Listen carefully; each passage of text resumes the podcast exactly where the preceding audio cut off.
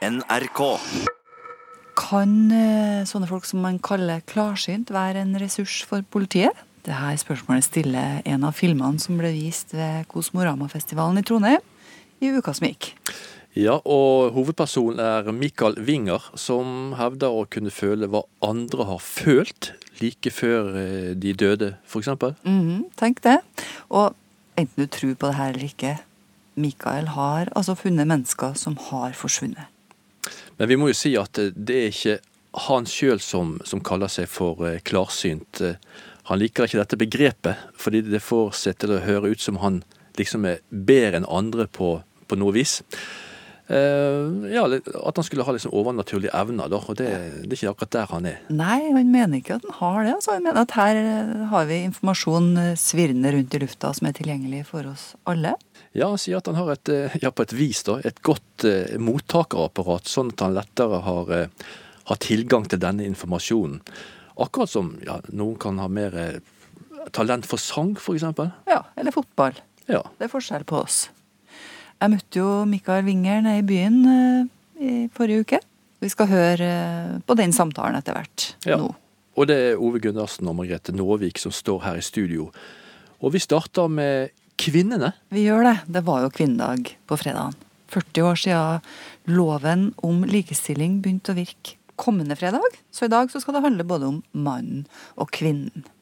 Men akkurat nå så tar vi det et, et visst steg videre, da. Ja, for eh, du har vært på gata, Ove, og spurt folk eh, om de har en favorittkvinne, og hvorfor de velger seg akkurat hun. Ja, Og nå må jo også ingen tro at vi bare skal snakke om kvinnen, for det, det skal dreie seg om favorittmannen litt senere i sendinga. men så er det jo sånn at eh, vi menn, Margrethe, vi er vant til å vente. Vi er en tålmodig rase, rett og slett, altså. Men eh, jeg har spurt folk på gaten. Har du en favorittkvinne? Ja, jeg har av dronning Sonja som favorittkvinne. Ja. Hun syns jeg er helt fantastisk. Hun gir veldig mye av seg sjøl. Hun har mye å lære. Eh, Jeg veldig, føler meg veldig ydmyk over henne. Jeg syns hun er veldig fantastisk. Så det er en dronning du setter virkelig pris på. Ja, jeg setter veldig pris på hele kongefamilien. Det gjør jeg. Det er så fint, og Nå må du skynde deg. Det må jeg. Takk for det. Ha det bra. Ha det. Har du en favorittkvinne? Eh, ja, det må nok være kona som er favorittkvinne. Du sier på sånn måte at det må nok være, men kan det være også en annen? Nei, det, det har jeg vel ikke lov å si. Det, det ja, ja, Man deler gode tider og gode, dårlige tider med, med kona, så det, det er nok hun som er, er viktigste. Men hva er det med kona di, da? Eh, Hun er snill og grei, og hun har lyst til å være sammen med meg, så det er nok det viktigste. Hun setter pris på deg? Hun setter pris på meg, og hun er moren til vår sønn, så det, det, det teller mye, det. Vil du si at du elsker henne? Ja, det, det vil jeg selvfølgelig sagt. Hver eneste dag. 365 dager i året. mm. da skjønner jeg at du må være favorittkvinnen din. Det er hun. Har du en favorittkvinne? Margot Wallström, svensk politiker. Og hun er veldig liberal, hun er jordnær. Hvorfor liker du hun så godt, da? Nei, hun har gjort veldig mye for uh, folk, både innvandrere, for uh, folk, homser f.eks. Sånn, Ja. Sånn, sånn, sånn, Sånn som du. sånn som meg. Ja. Ja. Nei, Hun er bare en fantastisk person. Hun har hatt sånne feil, hun òg, men jeg vil se den personen som er feilfri, kan godt kaste den første steinen. Så det er sikkert mange, mange, mange, mange flere, men hun har satt ekstra stor øh, pris på dem.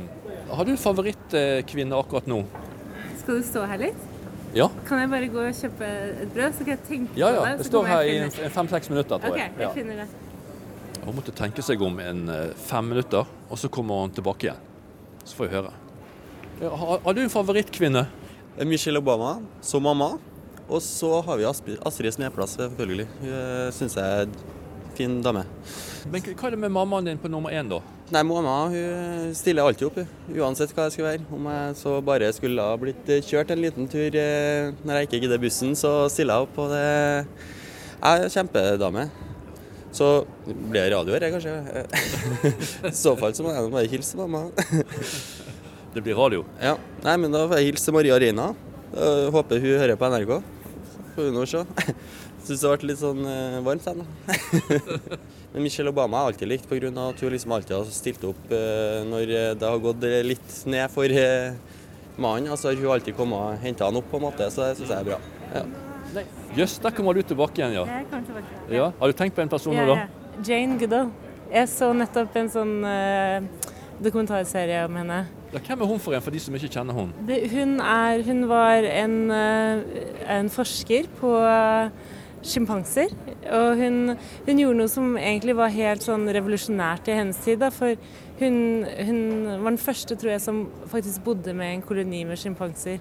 Og observerte dem over en lang periode og så hvor, ja, egentlig hvor menneskelige de var. Og virkelig um, knyttet seg. Og, og det var ganske sånn stort, fordi um, før så var jo Vi hadde sånn flere århundrer med sånn rasjonalismens eh, epoke hvor altså, vi som mennesker sto så, sto så veldig høyere enn en dyr. Men Ja. hun så dem på Hun skrev og viste dem frem til verden som eh, ja, veldig menneskelige. Med følelser og veldig utviklet familienettverk og alt.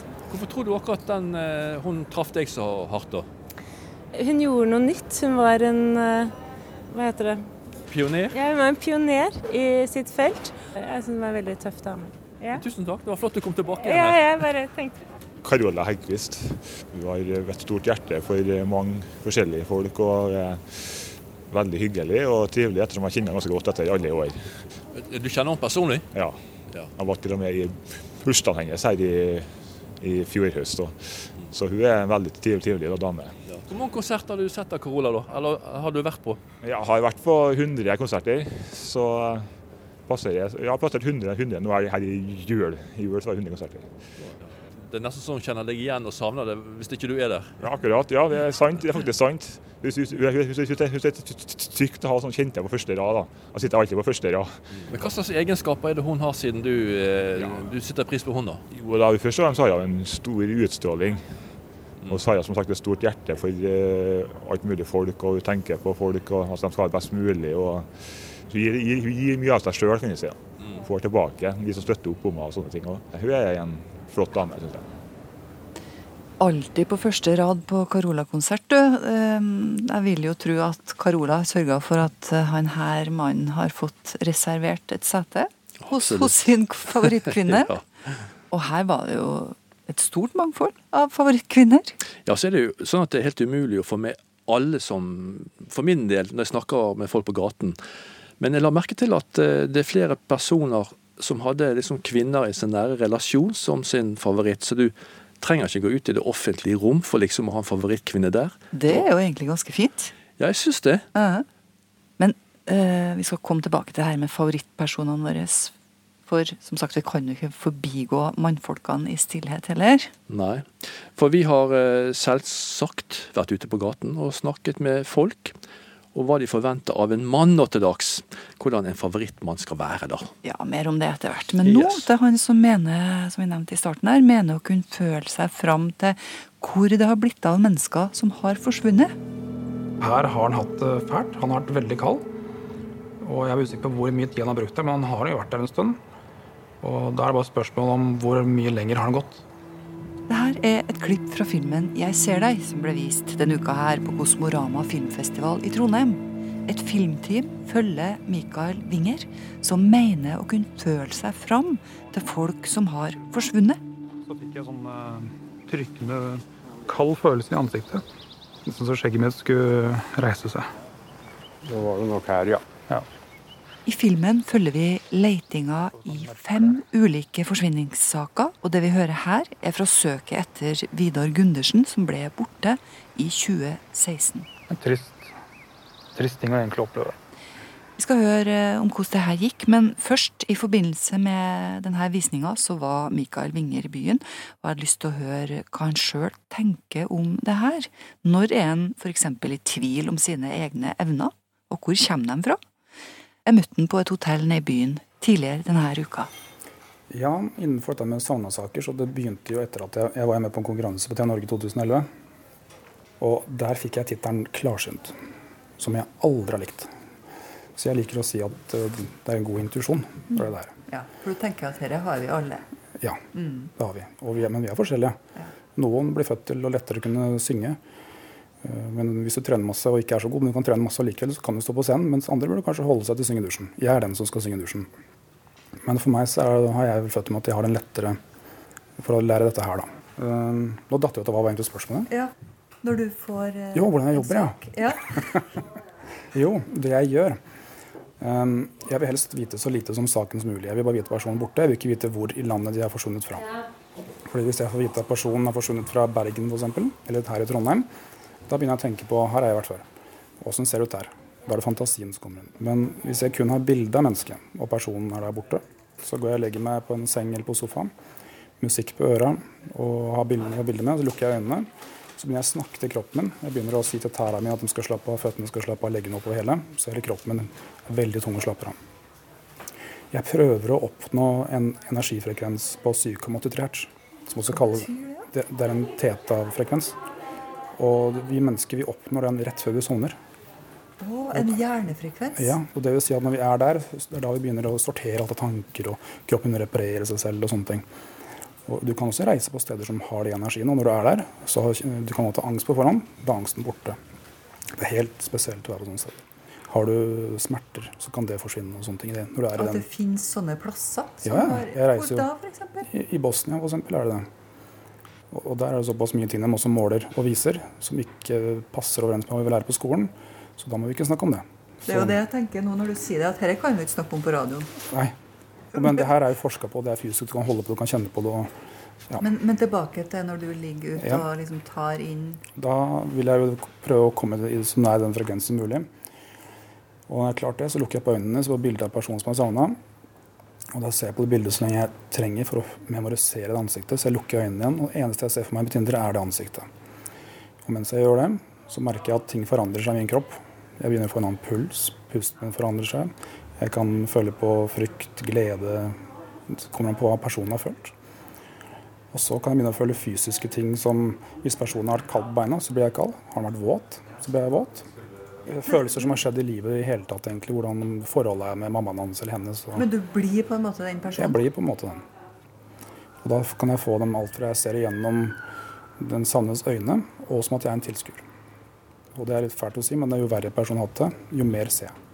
Og da pleier jeg å se ofte litt i begynnelsen av saken, hvis de har fått i panikk f.eks. Og så i midten, og så gjerne slutten. Og jeg blir som regel kobla inn etter politiet og Røde Kors og sånn er ferdig. Og da er oftest personen død, og det er ofte det jeg ser. Du sier det i filmen at du på en måte føler det som den du leter etter, har mm. følt. Mm. Men hvor tenker du at dette kommer fra? Hvor er det du henter de, den informasjonen? Jeg tror alt ligger bare rundt oss. Akkurat som vi er forenkla utseende. Vi er i en stor datamaskin. Masse filer overalt. Så bare lære seg å koble på den fila. Et slags internett? Nesten som en slags internett. Naturlig internett? Mm. Jeg tenker litt på det sånn. Mm. Jeg tror det er mange som har opplevd at du går og tenker veldig på en person. Du tar opp telefonen din at nei, nå må jeg sende melding eller ringe til han. Så plutselig så gjør de det først. Eller oi, der var det en person i butikken f.eks. Det er litt der som jeg mener at det henger litt sammen. Da. Vi sitter altså på et hotell i Trondheim sammen med hovedpersonen i en, en av filmene i Kosmorama-festivalen her. Det er onsdag. Mikael Winger. Mm. Jeg tenkte vi kunne høre litt på et klipp fra filmen. Her får du litt kritikk fra media. Jeg trodde jo da at jeg skulle bli fremstilt i media som en eh, god hjelper. Jobber gratis for å hjelpe pårørende som spør meg om hjelp. Jeg har ikke trengt meg på. Og jeg har løst saken. Pårørende er takknemlig, politiet er takknemlig. Men media skrev ikke noe bra om det. Men eh, Mikael Winger, hvorfor vinner du ikke i Lotto hver lørdag? Det er følelser jeg kjenner. Ja, tall har ikke så mye følelser for meg. Men hvis en person er redd eller uh, sint på sånne ting, det føler du. Mikael Winger i dette klippet fra filmen om deg som også har blitt vist denne uka her.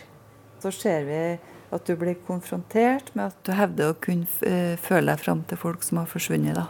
Mm. Og en av innvendingene her er jo at uh, folk som tar kontakt med deg, er desperat, de er i sorg. Mm. Hva, hva, hvordan forholder du deg til det? De er desperate. Og fordi ofte så kommer de til meg etter at politiet har sluttet å leite, og etter at Røde Kors er ferdig. Da står de alene. Det skjer ikke noe mer. De må gjøre det selv. Og da spør de meg, og så har jeg mulighet, så vil jeg gjerne hjelpe til. Og jeg har valgt å gjøre det gratis, og, men jeg har sagt at, fordi jeg har blitt spurt om å være med et forskningsprosjekt med siden 2011. Så det er spurt om at hvis jeg skal gjøre det, så vil jeg gjerne ha retur at jeg har mulighet til å dokumentere. Og også filme og alt mulig sånn fra starten av. Og det sier alle ja takk til. Så jeg har egentlig bare opplevd positivt fra alle pårørende, og de er takknemlige for all hjelp. Og selv om ikke er noen saker jeg ikke klarer, men allikevel Og jeg rett og slett, jeg blir veldig skuffa og irritert over meg sjøl, for jeg føler meg som en mislykka person ikke får det til. Eh, men jeg er likevel takknemlig dem for at, jeg, at jeg bryr meg og prøver. Mm. Det er de. Men hva, fører du noen statistikk over hva altså, sakene du ja. prøver å løse? Hvordan ser det ut? Eh, jeg har jo hatt rett i oh, mange, Det begynner å bli noen. Det er tre, tre som er offentlig sånn ute. Men det er jo flere som er dokumentert. Så Det er mange som kontakter deg? Det er mange som kontakter meg. Ja. Resten er Sanna-sak som er nå. Så jeg blir jo spurt. Ja. Både av media, noe mm. politi, pårørende. Men det er sånn hysj-hysj. Spesielt av noen, sånn som i politi og media. De vil helst ikke For det er liksom tabu å bruke meg. Så de, det er så mange som bruker meg. Alt av kjendiser, politikere, forskere, eh, overleger som skal ha private kurs. Og de betaler jo meg godt for det, så ikke navnet skal komme ut. Så det er eh, ja, og jeg vil gjerne dele jeg, med det jeg kan til dem, men jeg syns det er litt dårlig gjort. Da. Sånn at jeg, det er akkurat som jeg er kriminell, føles det som. Det er jeg jo ikke. Når tviler du sjøl på at det er noe i disse følelsene? Om det, så tenker du noen gang at dette kan være bare noe som du liksom lager inni deg? Ja, ja, ja. Jeg kan aldri være sikker på det jeg ser.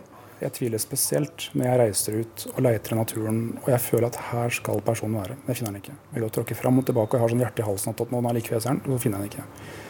Da begynner jeg å tvile på hva jeg driver med. Og da trenger jeg å reise bort og være for meg selv. Og egentlig må samle meg sjøl igjen. Og for jeg lyst til å bare gi opp alt.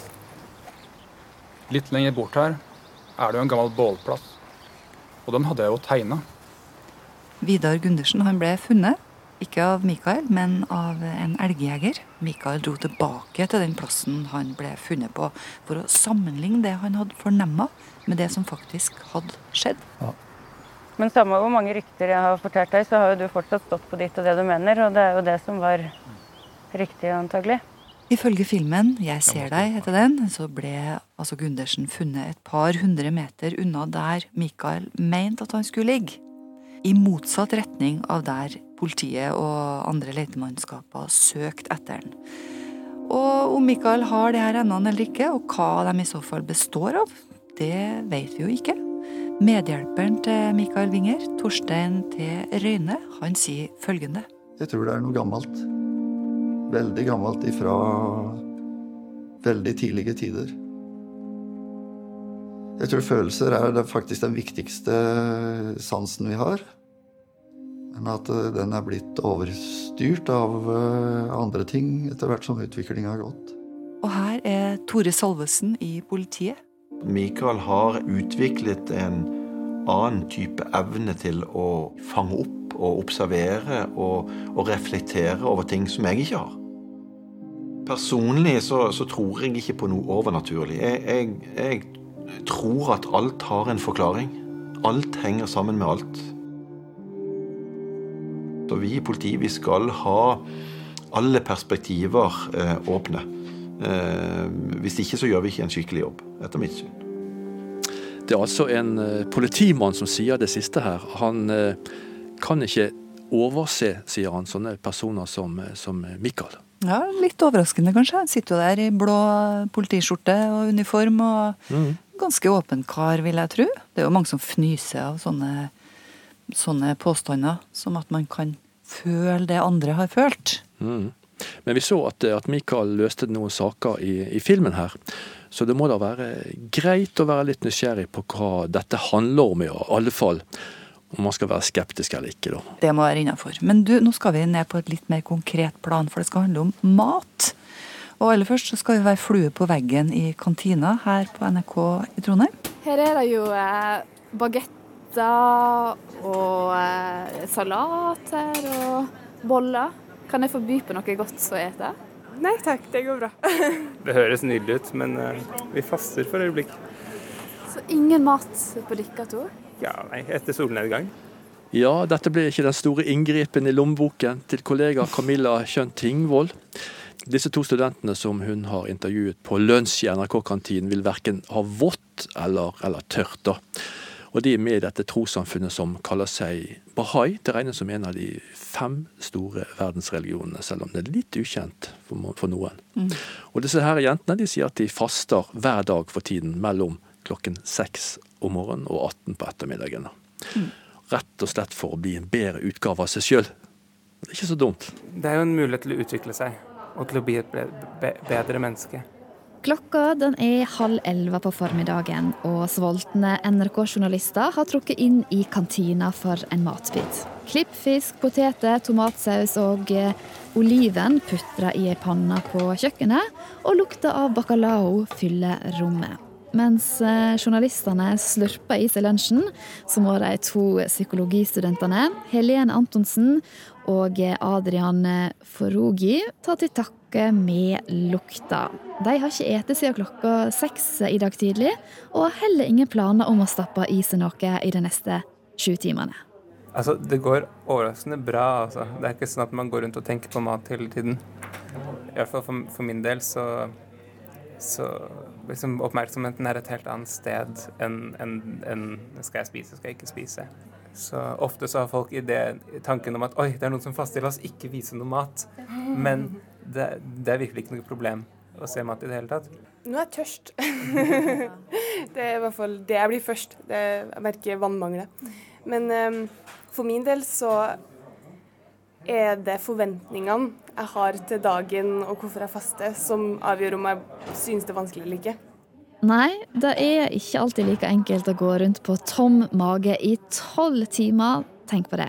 Men Helene og Adrian de er ikke det eneste som faster mellom 2. og 20. mars i år. Seks millioner bahaier verden over gjør dette her for å løfte blikket, bli mer bevisst på seg sjøl kanskje, og finne ut eh, om de er på rett kurs i livet, både for seg sjøl og andre. Det jeg kanskje gjør som jeg har lyst til å ta litt bort, er at jeg sitter en del på mobilen. for eksempel. Jeg sitter faktisk ikke så mye på mobilen i forhold til en del andre, tror jeg. Men uh, det skulle jeg gjerne brukt litt mindre tid på. Faste er viktig i bahai, men det er òg eh, vanlig i flere religioner, som f.eks. kristendom, islam og hinduisme. Vi må ta noen stikkord om bahai før vi går videre. Religionen ble grunnlagt av profeten Baha'ullah i Iran, og det skjedde på slutten av 1800-tallet, så ganske ung religion dette her, egentlig. Læra til denne profeten går ut på at eh, det fins bare én gud, og denne guden har gjennom all tid sendt ned forskjellige profeter på jorda, og eh, du kjenner kanskje en del av disse igjen. Jesus, Mohammed, Moses, Buddha, Krishna, for å nevne noen. Bahai anerkjenner altså eh, disse verdensreligionene og ser på hele verden som ett folk. Men nå må vi tilbake igjen til fasten.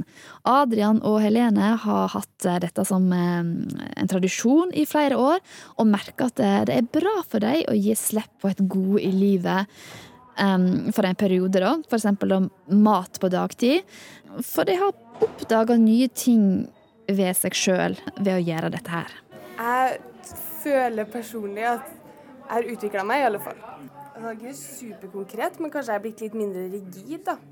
Så da, før så var jeg veldig strukturert i forhold til nå gjør jeg det, og så gjør jeg det, og så planen er veldig satt. Og så hvis det var noen som var Kan du komme og hjelpe meg å flytte? Så var jeg litt sånn Å ja, men det passer ikke inn i timeplanen min.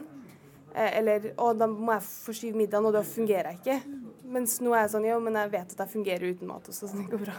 Så du har blitt litt mer fleksibel? Mm. Jeg ville ha sagt det, tror jeg. Mm. Hva med deg, da?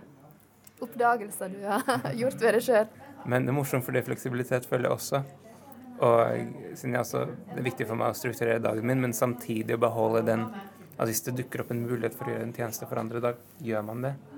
Ja, faktisk det også to år siden var liksom, hadde en sånn greie i fastetid at nå har jeg lyst til å se, bli flinkere til å se de positive egenskapene i andre, f.eks se når andre folk viser vennlighet eller takknemlighet. For hvis de, hvis de, viser det, hvordan kan jeg da ikke elske disse menneskene? ikke sant? Så pass på at de ikke ser disse negative egenskapene, da. men det er jo en læring, det også. Men blir de perfekte mennesker? Jeg tror aldri vi kan bli perfekt. Men det er jo, fasten er jo et verktøy for at jeg kan jobbe mot det.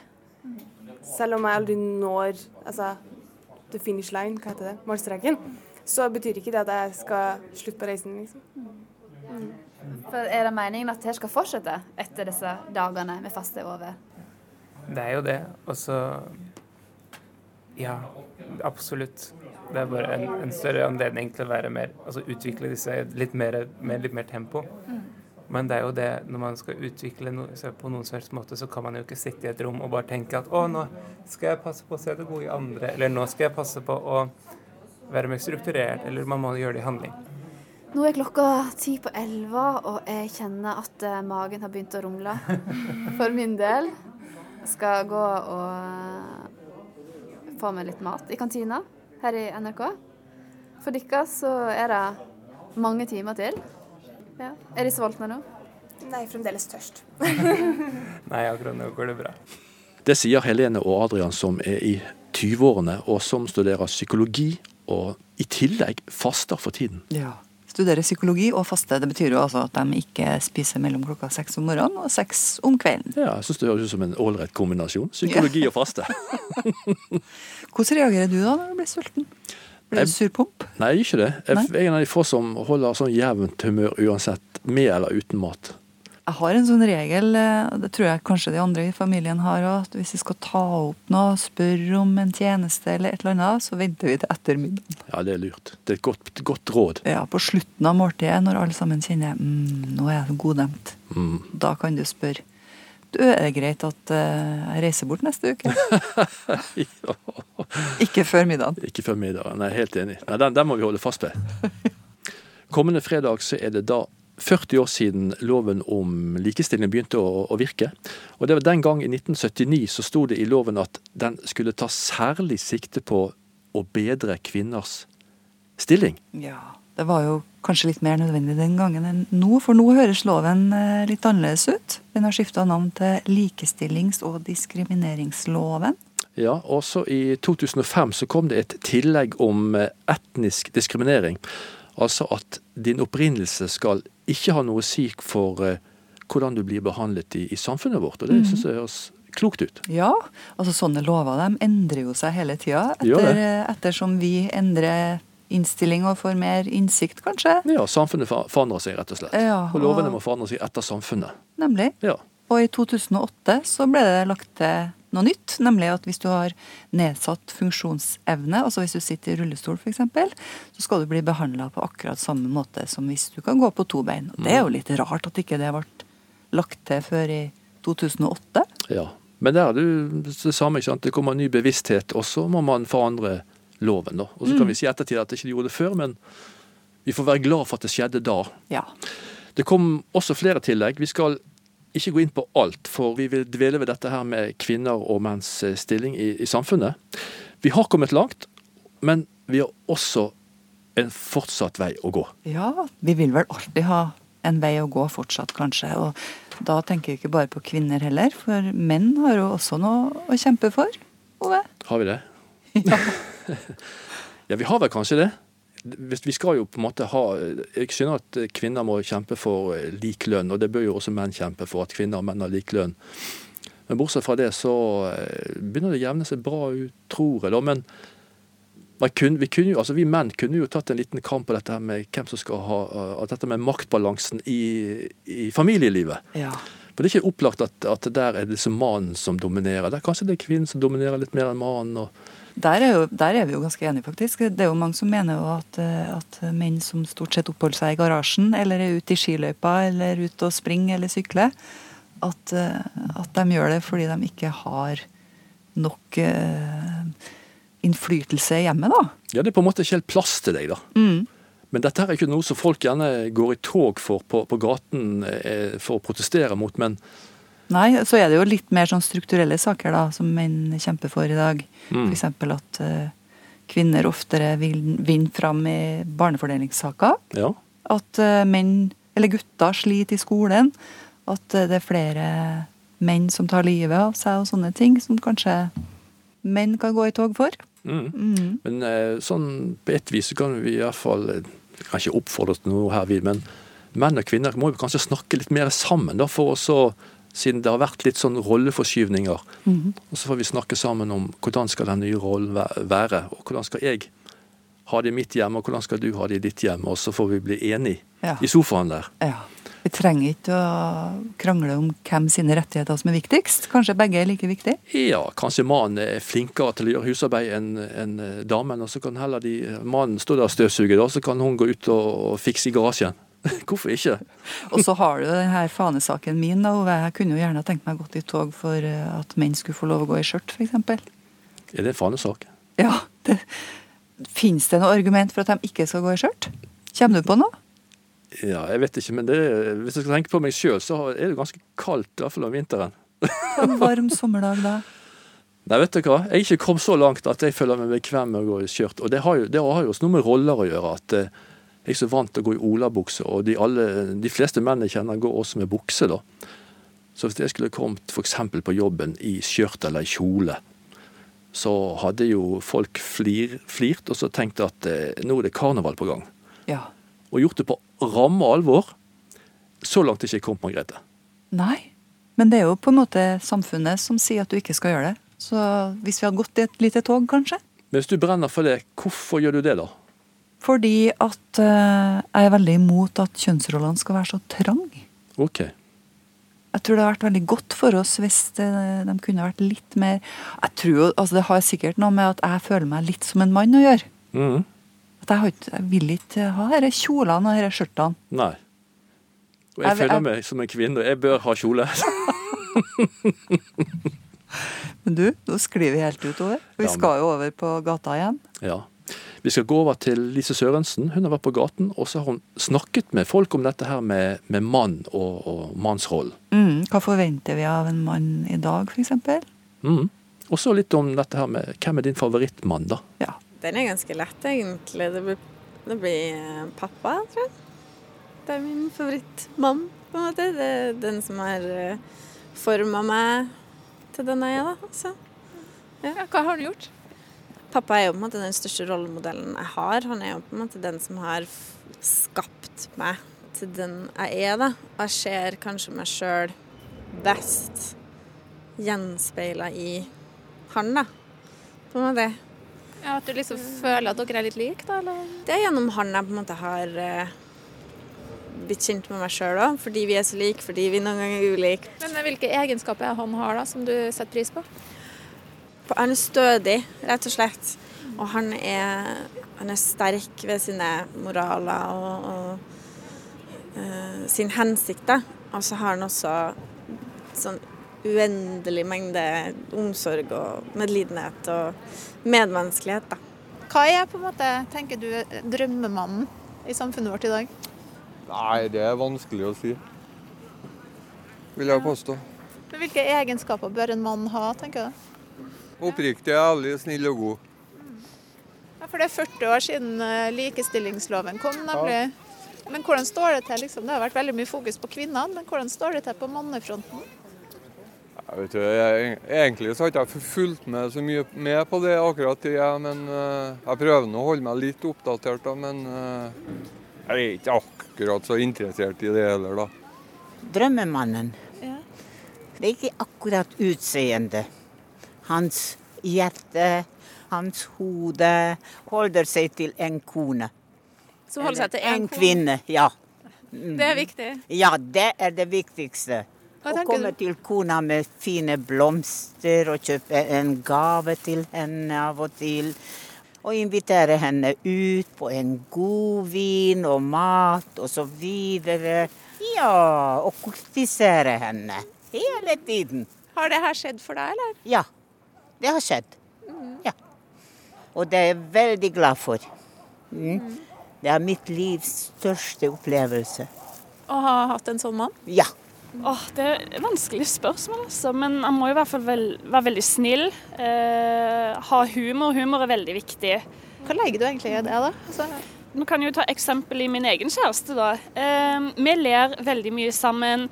Eh, og nød, altså Det trenger ikke være en sånn type sånn allmennhumor, men veldig sånn intern humor oss imellom. Eh, at han kan le av veldig rare ting. Eh, at han kan le av seg sjøl, eh, rett og slett. Ja, At han kan se humoren i det meste eh, og ta ting med et smil. Og kan få meg til å le òg, hvis jeg har en dårlig dag eller hvis jeg er litt nedfor. Og det gjør han jo òg. Så han har absolutt humoren inne, vil jeg si. At han eh, ikke en slask. Rett og slett ikke en slask. jo, men at han på en måte gjør en innsats for å leve sunt og kanskje trene litt. sant? At han bryr seg, da. Så det er viktig at han tar litt vare på oss damene, da. At han eh, viser oss òg omsorg, er gode med oss, og ikke er liksom Ikke er noe sånn eh, frekk og Men at han er grei, snill og grei. Har du tenkt noen gang på en mann som har vært skikkelig bra, liksom? Ja. Øh, folk som gjør sitt beste. Øh, oppnår ting. Øh, er raus med andre. Og deler av sine gode sider med omverdenen. Hvordan er det å være mann i dag? Nei, det, jeg syns det er helt fint å være mann i dag, jeg. Men er det noen områder i samfunnet hvor menn på en måte kunne ha trengt litt uh, mer fokus på likestilling? Altså er det noen områder der dere uh, trenger litt mer drahjelp? Jeg tror det er viktig å få flere menn i grunnskolen. Unger trenger både forbilder, både damer og menn. Litt lite mannfolk i grunnskolen, spesielt på de lavere trinnene. Og Det jeg føler jeg også ser, da, og det jeg også håper er en utvikling, er at det blir mer og mer plass for å være mann. Altså ikke bare den her standardiserte sånn maskuline type mannen, men også at det blir Jeg ser at det blir flere og flere menn som på en måte definerer det å være mann på sin egen måte, og det syns jeg er veldig fint. Som vanlig mye ekspertise å finne på gata. Det her var altså folk i Trondheim om mannen. Ja, men nå skal vi over på noe annet interessant og spennende. Vi skal over på rydding. Ja, Og Marie Kondo. Hun er altså ei lita og tynn og mørkhåra dame fra Tokyo som gjør god butikk på å hjelpe folk til å rydde. Eh, gjennom selvhjelpsbøker og en serie på Netflix Netflix bl.a., så har eh, denne organiseringsguruen fått mennesker over hele verden til å rydde opp i rotet sitt, sies det. I et intervju med den britiske avisa The Telegraph nylig så sa Marie Kondo, som er 35 år gammel, at eh, hennes egne rydderåd de er inspirert av shinto. Ja, og så er det sånn at denne shintoismen den var statsreligion i Japan frem til andre verdenskrig. Og det var akkurat denne religionen som ga keiserslekten eh, såkalt guddommelig status. da. Tenk det.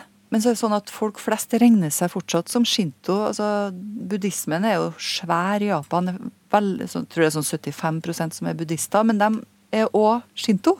Akkurat. Ja, Så det er en sånn gammel folketru som, som lever, da. Ja. Vår kollega Camilla Kjønn Tingvold hun lurte da på om disse metodene som Maria Kondo bruker, eh, har sitt opphav i, i, i denne gamle religionen. Professor Eike Rots ved Universitetet i Oslo han ser en liten sammenheng mellom religion og metodene som hun, hun bruker. Han har likevel bitt seg merke i, i all denne oppmerksomheten som Maria Kondo nå har fått. Det har jeg fått med meg. Det var litt vanskelig å, å ignorere, fordi det har vært mye på sosiale medier. Men uh, har du tatt til noen ryddetips?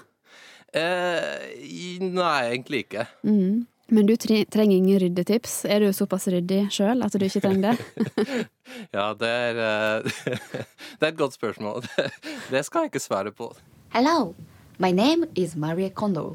Tiding with a KonMari method will not only affect your house, but will also change your life.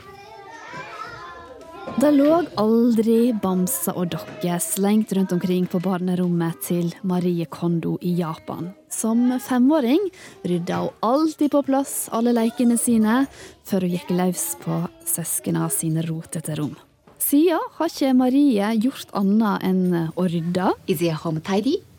Even if your answer is no, no problem. As long as you complete this course. Vi eier altfor mange ting som ikke betyr noe For oss, tenker 35-åringen, vi må kvitte oss med det som ikke gleder oss lenger, og lage plass til eiendelene våre som gir positiv energi. På den måten oppnår vi visst lykke, ifølge ryddeeksperten. Ryddefilosofien blir kalla for KonMari, og har fått mang en rotekopp opp av godstolen og ut i den overfylte boden verden over. Marie Kondo har sagt at ryddemetoden er inspirert av en religion som heter shinto. Flere som har spurt meg eh, hva er dette for noe, har dette noe med shinto å gjøre? Eh, så har jeg lest en del om denne metoden, og jeg har sett litt på Netflix selv. Eh, Og så kan jeg konkludere at nei, dette har egentlig veldig lite med Shinto å gjøre. Jeg har sett på en episode da hun kommer på besøk hos en amerikansk familie. Um, og så sier hun ok, nå skal vi begynne å rydde, men først skal vi sitte på gulvet og skal vi meditere litt. Og det ser ut som Japans spiritualitet. ikke sant? Hvis du ikke kan så mye om det, så, så ser du at de sitter der, og de er stille, og så ser det veldig spirituelt ut. Um, men dette er faktisk noe som ikke fins i shinto. Shinto har ingenting med meditasjon å gjøre. Ja, hardt og brutalt fra religionsforsker og japanekspert Eike Rots ved Universitetet i Oslo, som mener at Marie Kondo forenkler denne japanske religionen og tilpasser den til et vestlig marked for å selge et produkt. Men la oss se litt på shinto før vi går videre. Shinto det er japanerne sin opprinnelige religion, som går langt, langt tilbake i tid, og har over 100 millioner tilhengere i dag. Der finnes det haugevis av guder, både gode og mindre gode. Meditasjon det er som sagt uviktig. Det er disse her religiøse ritualene som prestene gjør i templene, i helligdommene, som er viktig og verdifulle for folk flest, om de tror på Gud eller ikke. Um, og shinto sier jo ingenting om hvordan man skal rydde huset sitt. I shinto så er, det, et- så er det en stor forskjell mellom det hellige rom og det, altså det vanlige, det profane, ikke sant? Og hus og leiligheter og sånn, det sånn, det er vanlig.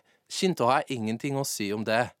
Det shinto sier, at helligdommer, det er hellige steder, og de skal være ryddige. Og de skal, de skal vaskes, fordi det er der gudene bor. Så det gjør egentlig en sånn forskjell. Men det hun gjør, det er hun sier uh, Nei, ditt hus, du skal også Ikke sant? Du, det, er, det er et viktig sted for deg, og så skal vi rydde litt og sånn. Så som sagt, det er egentlig uh, noe, noe, noe, noe helt annet. da. Jeg tror det er jo veldig personlig, kanskje spesielt i dag. Eh, Folk de shopper med seg det i religionen som, eh, som de syns passer best. Og med tanke på det, eh, er det ikke Altså er ikke Marie Kondo lik de aller fleste? Altså plukker med seg det som hun mener er essensen i, i sin tru? Altså det som hun har lyst til å ta med seg videre? Så det er nok en forskjell om man bare gjør det for seg selv, eller om man bruker sånn Man egentlig bruker da eh, eh, eh, ja, religiøse symboler eller ritualer, eller en sånn, lage en sånn historie for å selge mer. Det er noe annet, vil jeg si. Ja, men eh, jeg tenker hvis hun virkelig em, føler det, at det, det viktigste hun har fått ut av Shinto, er denne måten å rydde på Er ikke det da greit at hun får sagt det på denne måten? Så hvis, hvis, eh, hvis det funker for dem, og det funker for henne å selge bøkene hennes, eh, så er det helt greit for meg. Det eneste jeg sier, og jeg sier det som shinto-forsker og som religionsforsker, at metoden hennes er ikke basert på shinto, og shinto i seg selv sier ingenting om hvordan man skal rydde sitt hus, eller eh, om man skal kaste ut ting, og så videre. Um, så det er ikke basert på shinto på en sånn måte. I have seen many people change their lives through tidying, and I sincerely believe that it has a life changing power. Det her var Marie Kondo sjøl til slutt. Rydding har en kraft som kan endre livet folk, sier hun. Kjenner du igjen det, Ove?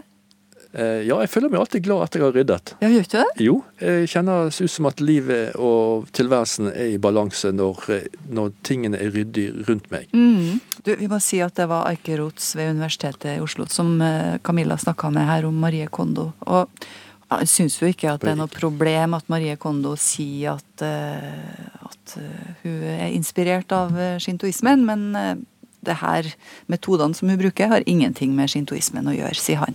Mm. Ja, det var jo det vi hadde for i dag. Ja. Mm. Hva skal du gjøre resten av uken du nå, da? Ja, da skal jeg begynne å tenke på hvilke saker vi skal ha neste helg. Og det er jo temauke om tid i NRK Ja. neste uke, rundt vårjevndøgn. Mm. Så det må vi snakke litt om. Kanskje hva er tid? Har du tenkt på det? Får du til å forklare det? Nei, det er veldig vanskelig. Jeg bare vet at hvis jeg blir tatt litt ut av den daglige dunten med vekkerklokken og møter og, og ting som skjer hele dagen, og reiser på hytta f.eks., der er ikke tiden er på det viset, eller at det er avhengig av klokka så mye, da. Så, så akkurat som at eh, dette tidsbegrepet forsvinner litt. Så på en måte så tenker jeg at dette med tid er litt konstruert. Mm. Og at hvis vi skal snakke om oss som en slags naturbarn, da, så, så jeg kjenner jeg at jeg trives bedre uten klokken. Ja. Rett og slett. altså. Jeg kommer litt sånn dypere ned i ting og kjenner meg mer som et eh, Går an til å si helt menneske. Det er også som en klisjé, men eh, Jeg tror det er gjenkjennelig, det, altså. jeg blir en bedre utgave av meg sjøl. Det her skal vi snakke mer om eh, neste helg. Ja, det blir fint. Forresten så har vi brukt altså Ifølge manus så skulle vi bruke ca. sju minutter på det opptaket her. Og nå har vi brukt 22.